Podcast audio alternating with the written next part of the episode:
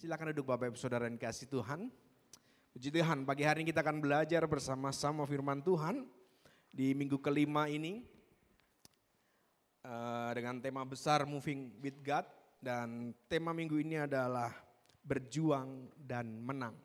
Mari kita akan membuka Alkitab kita di dalam Yosua pasal yang ke-14. Yosua pasal yang ke-14 ayat yang ke-6 sampai dengan yang ke-15. Saya akan bacakan, Bapak Ibu Saudara perhatikan ayat demi ayat tentang cerita Kaleb mendapatkan Hebron. Kita akan belajar dari Kaleb. Yosua pasal yang ke-14 ayat yang ke-6 sampai dengan yang ke-15. Saya akan bacakan. Bani Yehuda datang menghadap Yosua di Gilgal. Pada waktu itu berkatalah Kaleb bin Yefune, orang Kenas itu kepadanya, Engkau tahu firman yang diucapkan Tuhan kepada Musa, abdi Allah itu, tentang aku dan tentang engkau di Kades Barnea. Aku berumur 40 tahun ketika aku disuruh Musa, hamba Tuhan itu. Dari Kades Barnea untuk mengintai negeri ini dan aku pulang membawa kabar kepadanya yang sejujur-jujurnya. Sedang saudara-saudaraku yang bersama-sama pergi ke sana dengan aku membuat tawar hati bangsa itu. Aku tetap mengikuti Tuhan Allahku dengan sepenuh hati. Pada waktu itu Musa bersumpah katanya, sesungguhnya tanah yang diinjak oleh kakimu itu akan menjadi milik pusakamu dan anak-anakmu sampai selama-lamanya. Sebab engkau tetap mengikuti Tuhan Allahku, Allahku dengan sepenuh hati. Jadi sekarang sesungguhnya Tuhan telah memelihara hidupku seperti yang dijanjikannya kini sudah 45 tahun lamanya sejak diucapkan Tuhan firman itu kepada Musa. Dan selama itu orang Israel mengembara di padang gurun, jadi sekarang telah berumur 85 tahun aku hari ini. Pada waktu ini aku masih sama kuat seperti pada waktu aku disuruh Musa, seperti kekuatanku pada waktu itu, demikianlah kekuatanku sekarang untuk berperang dan untuk keluar masuk oleh sebab itu berikanlah kepadaku pegunungan yang dijanjikan Tuhan pada waktu itu, sebab engkau sendiri mendengar pada waktu itu bahwa di sana ada orang enak dengan kota-kota yang besar dan berkubu. Mungkin Tuhan menyertai aku sehingga aku menghalau mereka seperti yang difirmankan Tuhan. Lalu Yosua memberkati Kaleb bin Yefune dan diberikannya Hebron kepadanya menjadi milik pusakanya. Itulah sebabnya Hebron menjadi milik pusaka Kaleb bin Yefune, orang Kenas itu. Sampai sekarang ini karena ia tetap mengikuti Tuhan Allah Israel dengan sepenuh hati. Nama Hebron dahulu ialah Kiryat Arba. Arba ialah orang paling besar di antara orang enak dan amanlah negeri itu berhenti berperang. Bapak Ibu Saudara yang dikasih Tuhan, tema kita minggu ini adalah berjuang dan menang. Ya, ketika kita bicara soal kata menang, bicara kemenangan di dalam kehidupan kita adalah bicara sesuatu yang menyenangkan hidup kita. Bukankah orang selalu ingin menang dalam hidupnya? Ya, setiap kita nggak mau kalah dan setiap kita pasti ingin menang. Dan kemenangan itu selalu berkaitan dengan kesenangan kita, dengan perayaan di dalam kehidupan kita. Nah, apa yang kita pahami tentang kemenangan di dalam Tuhan itu penting sekali dalam kehidupan kita. Seringkali yang kita pahami adalah kemenangan di dalam diri kita. Kemenangan kita. Tapi kemenangan di dalam Tuhan itulah yang perlu kita pahami. ya. Dan kita percaya bahwa Rasul Paulus pernah mengatakan bahwa kita lebih dari pemenang. Ya. Paulus mengatakan di dalam kitab Roma pasal yang ke-8 bahwa kita adalah orang yang lebih dari pemenang. Ada ada sesuatu di dalam diri kita dan itu kita yakini bahwa kita adalah orang yang lebih dari pemenang. Dari pemenang apa? Ya, persoalannya bahwa dalam kehidupan kita selalu kita kaitkan dengan menangan di dalam kehidupan kita ada empat hal dalam kehidupan kita. Selalu kita kaitkan dengan harta, tahta, wanita.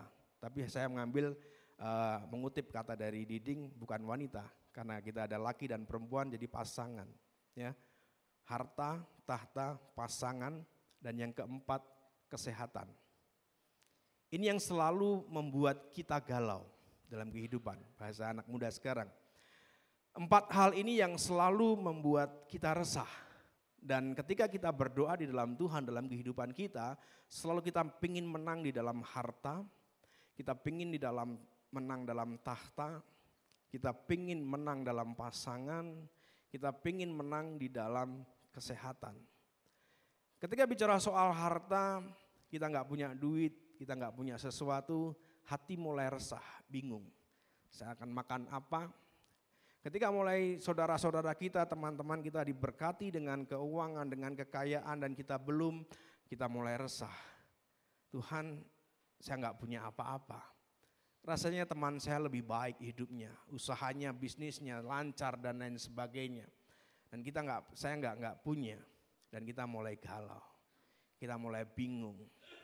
Bagaimana Tuhan? Kita berdoa supaya Tuhan berkati hidup kita dan ketika itu tidak terjadi dalam kehidupan kita, hidup kita galau karena tidak ada harta. Tahta, sering kali kepopuleran juga membuat kita galau. Banyak anak-anak muda ketika follower di Instagramnya sedikit mereka galau. Ketika melihat temannya lebih lebih banyak followernya mereka galau. Ya, mereka berusaha membuat sesuatu supaya pengikutnya semakin banyak. Ya, ada tiga ketua BEM yang saat ini pengikutnya semakin meningkat karena aksinya. Kita juga seperti itu sebagai orang-orang kadang-kadang ketika kita tidak populer dalam hidup kita, ya banyak ketika pendeta-pendeta atau pengkhotbah tidak populer, mereka bingung, resah. Dan pasangan, ya ketika tidak ada pasangan di dalam kehidupan kita, kita juga mulai galau. Ketika pasangan kita tidak sesuai dengan dengan kita, kita mulai galau. Dan banyak orang-orang yang meninggalkan Tuhan juga karena pasangan. Mungkin di, di, di sini tidak terasa, tetapi kalau Bapak Ibu Saudara datang ke daerah-daerah, itu yang terjadi. Mereka galau ketika tidak ada pasangan dalam kehidupan mereka. Mereka bisa meninggalkan Tuhan. Dan berikutnya adalah kesehatan. Kesehatan juga mengganggu di dalam kehidupan kita. Banyak orang galau dengan kesehatannya. Takut ini, takut itu. Saya bagaimana? Saya punya teman di Boromeus yang sama-sama nungguin. Begitu kerasa sakit di dada dia sudah bingung. Ini ada apa? Begitu kerasa sakit di, di, di tengkuk dia bingung. Bahkan sering-sering periksa dokter ya check up dan lain sebagainya. Padahal sampai hari ini tidak ada apa-apa. Kesehatan membuat kita galau. Empat hal ini yang selalu menjadi bagian di dalam kehidupan kita. Ketika empat hal ini tidak tercukupi dalam kehidupan kita, kita menilai galau. Nah, Bapak Ibu Saudara yang dikasih Tuhan, apa yang kita pikirkan hari ini? Apakah kita tidak punya uang hari ini? Dan itu mengganggu kita hubungan kita dengan Tuhan. Apakah ketika kita ada populer hari ini, apakah itu juga mengganggu dalam kehidupan kita? Tidak ada pasangan, apakah itu mengganggu dalam kehidupan kita? Atau karena kita sakit hari ini yang tidak kunjung sembuh, itu mengganggu dalam kehidupan kita. Dan seperti pujian tadi kita mulai menyesali. Aduh, saya mengikut Tuhan. Saya sudah berikan waktu saya. Saya sudah berikan segalanya buat Tuhan, tapi tidak ada perubahan dalam hidup saya. Tidak ada peningkatan dalam hidup saya. Rasanya semakin merosot. Banyak orang-orang Kristen menyesali hal ini. Ketika pujian itu dibuat, pasti ada peristiwa juga. Bagaimana orang mengikut Tuhan, bagaimana tantangan. Bahkan kalau tubuh ini habis lenyap, apakah kita tetap setia pada Tuhan? Itu persoalan dalam kehidupan kita. Hari ini kita mau belajar tentang menang di dalam Tuhan. Menang di dalam Tuhan itu apa sih? Apakah tadi seperti ketika saya di dalam Tuhan maka saya akan semakin bertambah kaya. Ketika saya di dalam Tuhan apakah saya akan semakin terkenal? Ketika saya di dalam Tuhan akan saya mudah. hidup sehat. Apakah seperti itu? Tapi kita belajar dari Kaleb bin Yefune. Kemenangan di dalam Tuhan, apa yang dipahami tentang kemenangan di dalam Tuhan.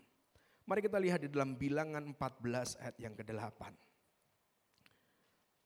Bilangan 14 ayat yang ke-8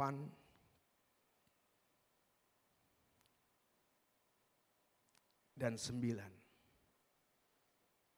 Bilangan 14 ayat 8 dan 9 saya akan bacakan untuk Bapak Ibu Saudara dan perhatikan.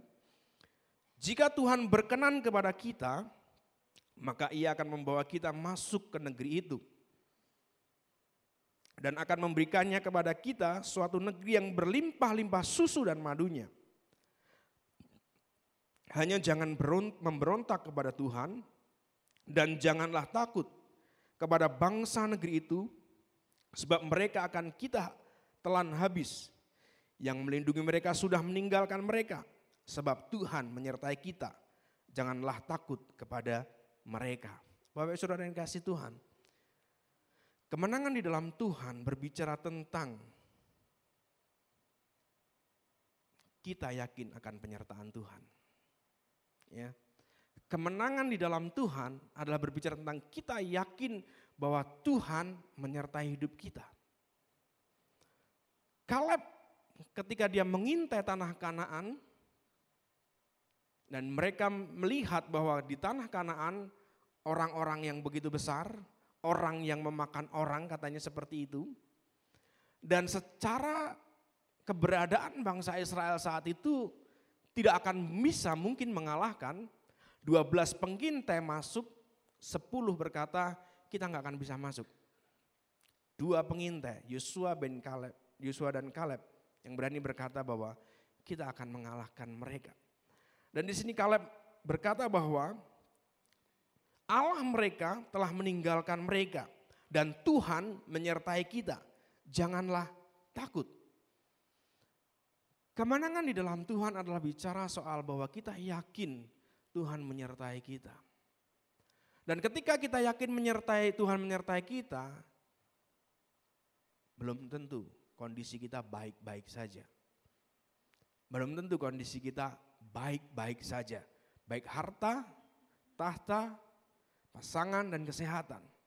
Ketika kita yakin bahwa Tuhan menyertai kita, ingat bahwa belum tentu kondisi kita baik-baik saja. Tetapi pengharapan bahwa Tuhan menyertai kita itu luar biasa dalam kehidupan kita. Roma 5 ayat 5 berkata, dan pengharapan tidak mengecewakan karena kasih Allah telah dicurahkan di dalam hati kita oleh roh kudus yang telah dikaruniakan kepada kita. Ya, Jadi ketika kita yakin bahwa ada Tuhan yang menyertai kita, Tuhan sudah berikan roh kudus untuk menyertai kita, itu adalah kemenangan. Seringkali kita kalah dalam kehidupan kita. Ketika kita menghadapi persoalan yang tidak kunjung selesai, masalah yang tidak kunjung selesai, kita nggak yakin bahwa Tuhan ada bersama dengan kita. Tapi kita belajar dari Kaleb. Dia yakin bahwa Tuhan menyertai dia. Bahwa dia bisa mengalahkan orang-orang yang begitu besar. Dia bisa mengalahkan orang-orang enak. Dan dia bisa masuk untuk mengalahkan itu rentang waktu yang cukup lama ketika Yosua berkata bahwa kita akan masuk mengalahkan orang Kanaan 45 tahun. Rentang waktu yang enggak cukup yang enggak pendek, cukup lama. 45 tahun apa yang dikatakan Kaleb bahwa kita akan mengalahkan dan Tuhan menyertai kita itu belum terjadi. Dan terjadi setelah 40 lima tahun berikutnya. Pergumulan kita belum seperti Kaleb. 45 tahun. Tapi Kaleb yakin bahwa Tuhan menyertai. Tuhan menyertai. Dan ketika Kaleb yakin bahwa Tuhan menyertai, tentunya banyak tantangan. Sehingga Rasul Paulus berkata bahwa ketika kita lebih dari pemenang, ingat juga Rasul Paulus berkata bahwa kita tetap berada di gelanggang pertandingan. Ya, untuk mencapai kemenangan itu kita tetap berjuang di dalam gelanggang pertandingan. Bapak Ibu Saudara yang kasih Tuhan, hari ini apa pergumulan kita? Kita bergumul dengan usaha kita. Tuhan, saya belum dapat sesuatu. Tuhan, semuanya kayak kayaknya macet. Tuhan, uang saya belum kembali. Kita bergumul dengan itu. Yakin engkau disertai Tuhan. Dan hari ini pemeliharaan Tuhan tetap nyata dalam hidup kita. Kita bergumul dengan pasangan, yakin bahwa Tuhan menyertai kita. Kita bergumul dengan kepopuleran. Orang tidak suka dengan saya. Orang meninggalkan saya. Atau kita bergumul dengan kesehatan. Yakin bahwa Tuhan menyertai kita. Tuhan ada bersama dengan kita. Kalau kita yakin bahwa Tuhan menyertai kita, maka kita akan berkata tadi pujian tadi, tak akan pernah ku sesali mengikut Tuhan. Enggak akan pernah kita berkata, Tuhan aku menyesal mengikut engkau. Karena setelah mengikut engkau rasanya hidup ini enggak semakin baik. Bapak ibu saudara saya mau katakan. Ketika kita mengambil keputusan mengikut Tuhan, hidup kita sudah menjadi baik. Dan akan semakin baik. Kalau kita lihat dari kacamata tadi, empat hal yang membuat kita galau, mungkin tidak. Tetapi kalau kita lihat kacamata dengan Tuhan, kita akan yakin. Tidak akan pernah menyesal mengikut Tuhan. Saya juga mengalami bagaimana Tuhan protes sama Tuhan. Tuhan saya sudah mengiring engkau. Tapi kenapa saya harus hadapi persoalan yang bertubi-tubi, masalah yang bertubi-tubi. Ketika itu terus menggerogoti di dalam diri saya, saya nggak lihat penyertaan Tuhan. Tapi ketika saya yakin mulai melihat hal yang kecil yang Tuhan kerjakan, saya melihat penyertaan Tuhan yang luar biasa. Pertolongan Tuhan yang luar biasa. Yang tidak pernah Tuhan lupakan. Mari Bapak Ibu Saudara belajar dari Kaleb. Ketika masalah, ketika kita menghadapi persoalan, Pertama yang kita ambil, aku yakin hari ini Tuhan bersama dengan saya. Aku yakin hari ini Tuhan berperang bersama saya. Aku yakin bahwa hari Tuhan melindungi saya. Aku yakin bahwa Tuhan memberikan kekuatan kepada saya. Sehingga Kaleb berkata, hanya janganlah memberontak kepada Tuhan dan jangan takut kepada bangsa negeri itu. Artinya Jangan tanya sama Tuhan. Tuhan kapan Tuhan tolong. Ya. Jangan takut dengan masalah yang kita hadapi. Karena apa? Masalah yang kita hadapi ketika kita yakin bahwa Tuhan menyertai kita, maka kita akan menang. Perjuangan kita hari ini adalah bagaimana kita yakin Tuhan menyertai kita.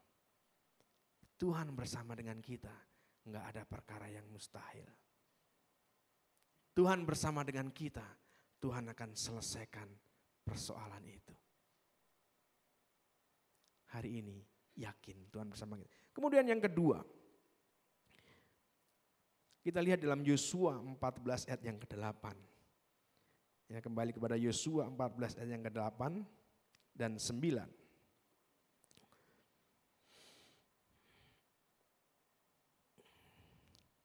Sedang saudara-saudaraku yang bersama-sama pergi ke sana dengan aku membuat tawar hati bangsa itu. Aku tetap mengikuti Tuhan Allahku dengan sepenuh hati. Pada waktu itu Musa bersumpah.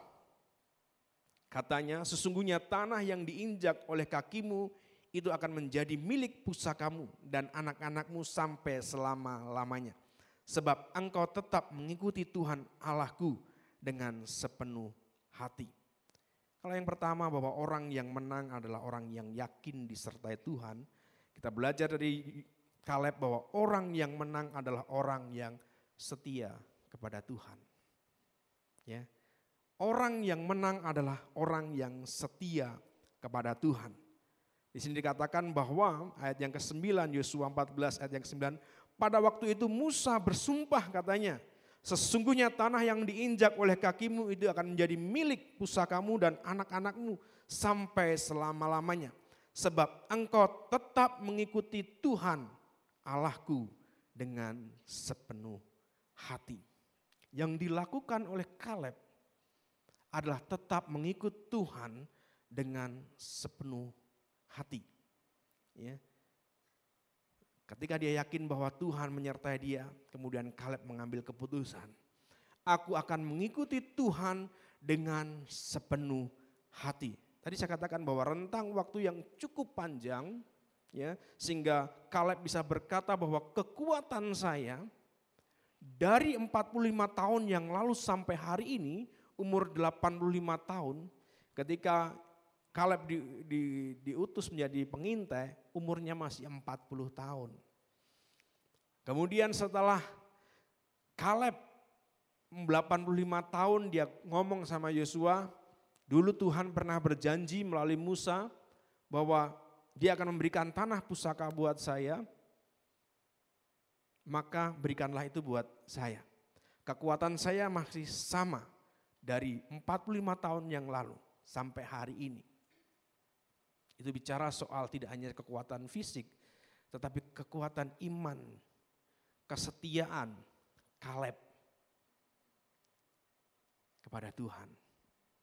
Seringkali tantangan persoalan dalam kehidupan kita, taruhan apakah kita setia kepada Tuhan atau tidak.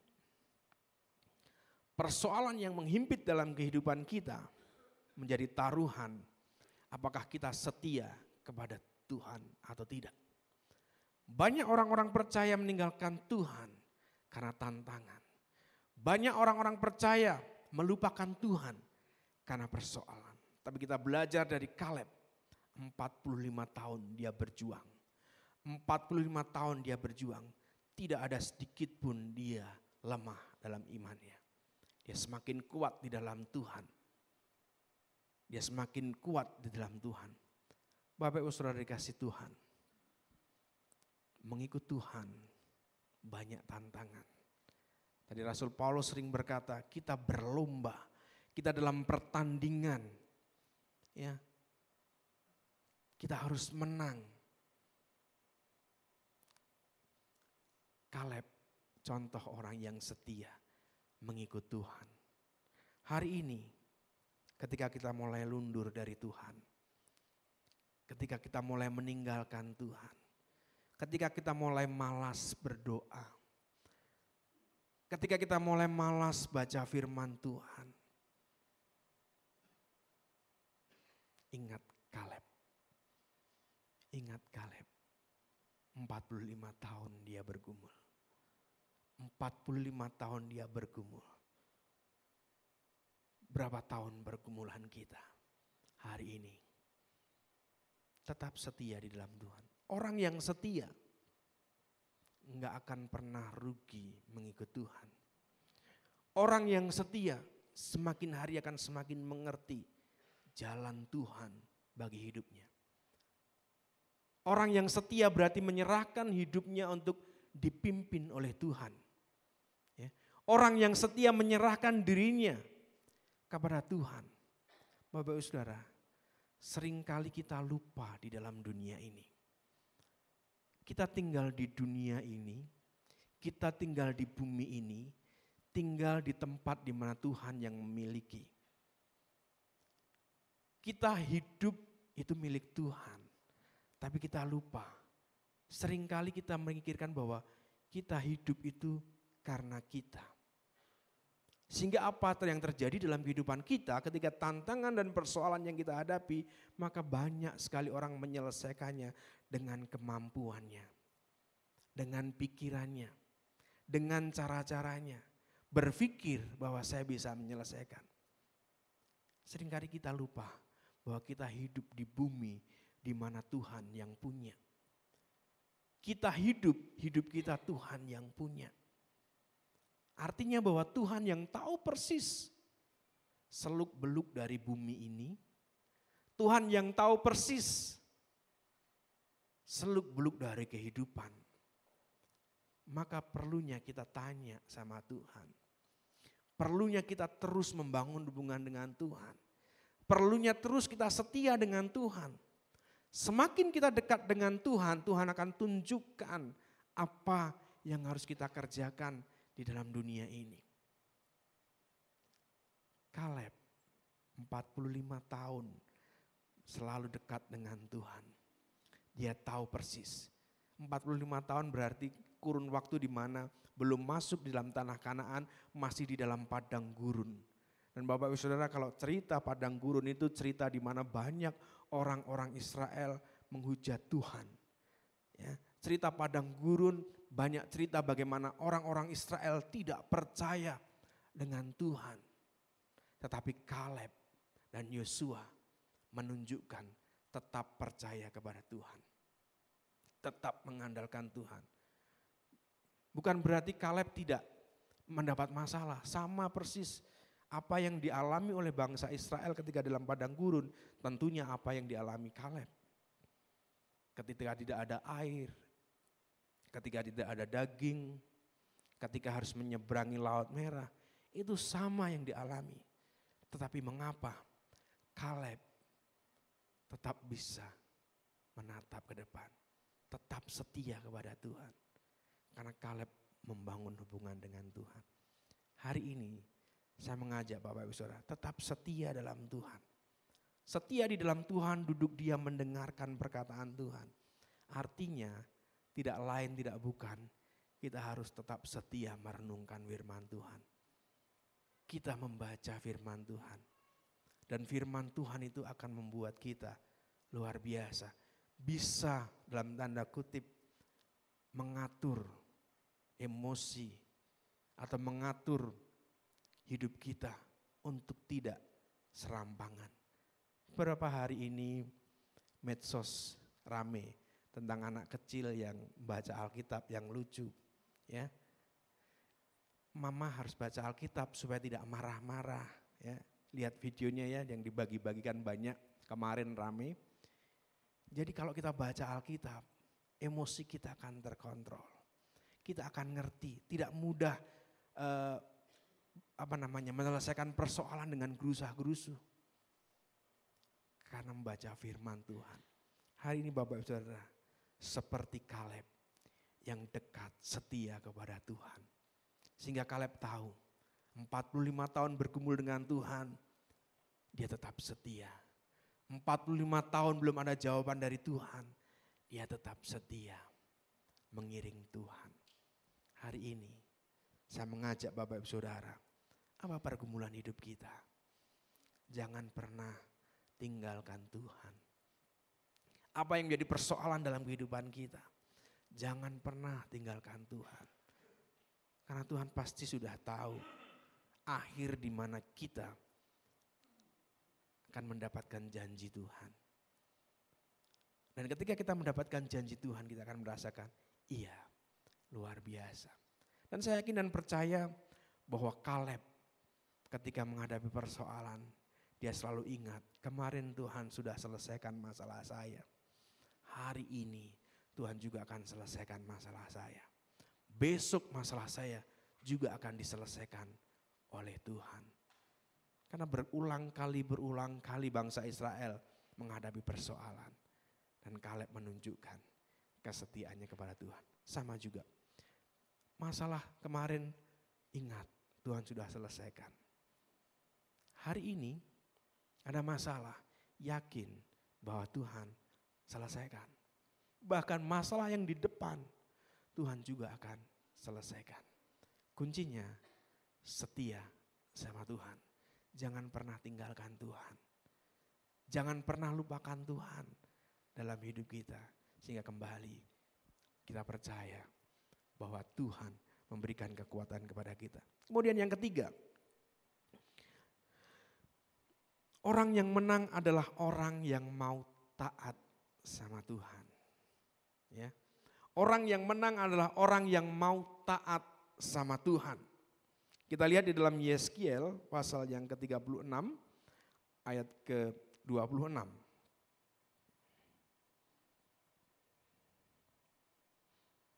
Yeskiel pasal yang ke-36 ayat 26 sampai dengan yang ke-27, kita akan baca.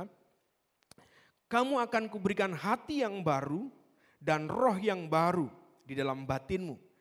Dan aku akan menjauhkan dari tubuhmu hati yang keras dan kuberikan kepadamu hati yang taat. Rohku akan kuberikan diam di dalam batinmu dan aku akan membuat kamu hidup menurut segala ketetapanku dan tetap berpegang pada peraturan-peraturanku dan melakukannya. Bapak saudara yang dikasih Tuhan. Orang yang menang adalah orang yang taat sama Tuhan. Kaleb menunjukkan orang yang taat sama Tuhan. Ya, Kaleb menunjukkan orang yang taat sama Tuhan. Dia tidak pernah melanggar peraturan Tuhan.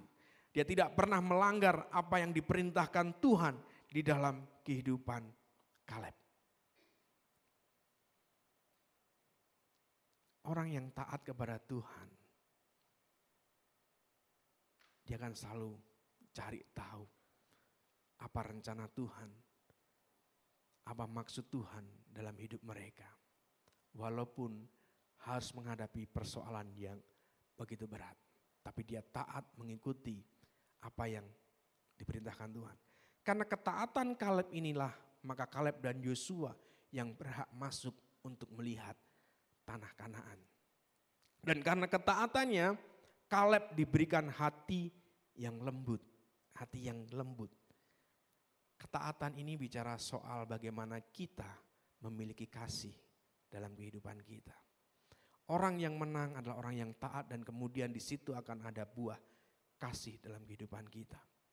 Tuhan menunjukkan kepada kita, Yesus adalah orang yang secara manusia ketika dia hadir dalam dunia, dia taat pada kehendak Bapa untuk menyampaikan kasih kepada orang. Nah, di sini bisa dibuktikan bahwa nama Hebron ayat yang ke-15 dari pasal yang ke-14, nama Hebron dahulu ialah Kiryat Arba. Arba ialah orang enak ialah orang yang paling besar di antara orang enak. Dan amanlah negeri itu berhenti berperang. Ketika Kaleb memimpin daerah Kiryat Arba, di situ negeri itu menjadi aman, berhenti berperang. Saya yakin dan percaya ketika Kaleb taat kepada Tuhan, Kaleb memiliki hati yang kasihnya luar biasa.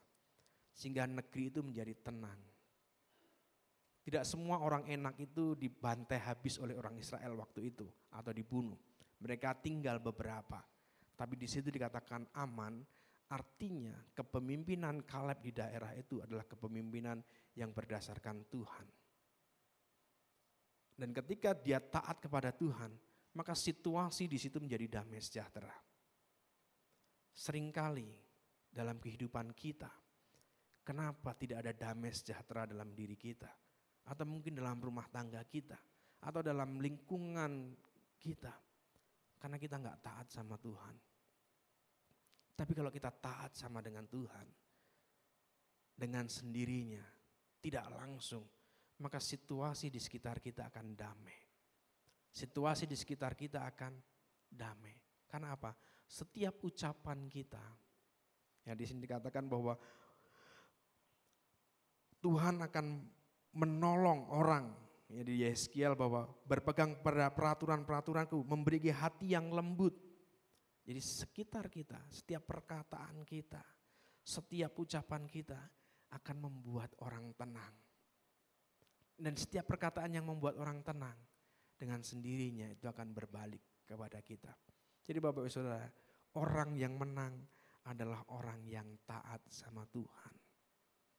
Orang yang menang adalah orang yang taat sama Tuhan. Taat itu berarti tahu apa yang Tuhan mau.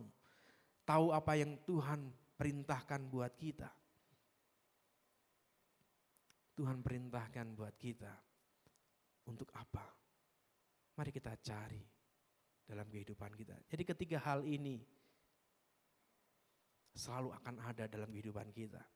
1 Korintus 13 ayat 13 berkata bahwa iman pengharapan dan kasih itu yang akan tetap tinggal. Hari ini iman kita, kita setia sama Tuhan.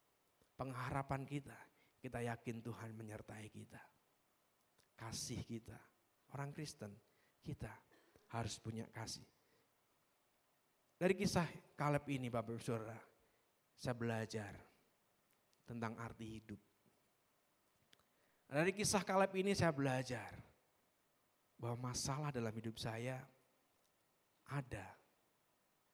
Masalah dalam hidup saya selalu ada. Tapi saya punya Tuhan yang menyertai saya. Saya yakin bahwa Tuhan tidak pernah meninggalkan saya. Itu yang membuat saya kuat. Itu yang membuat saya tidak pernah lagi berkata, Tuhan sampai kapan?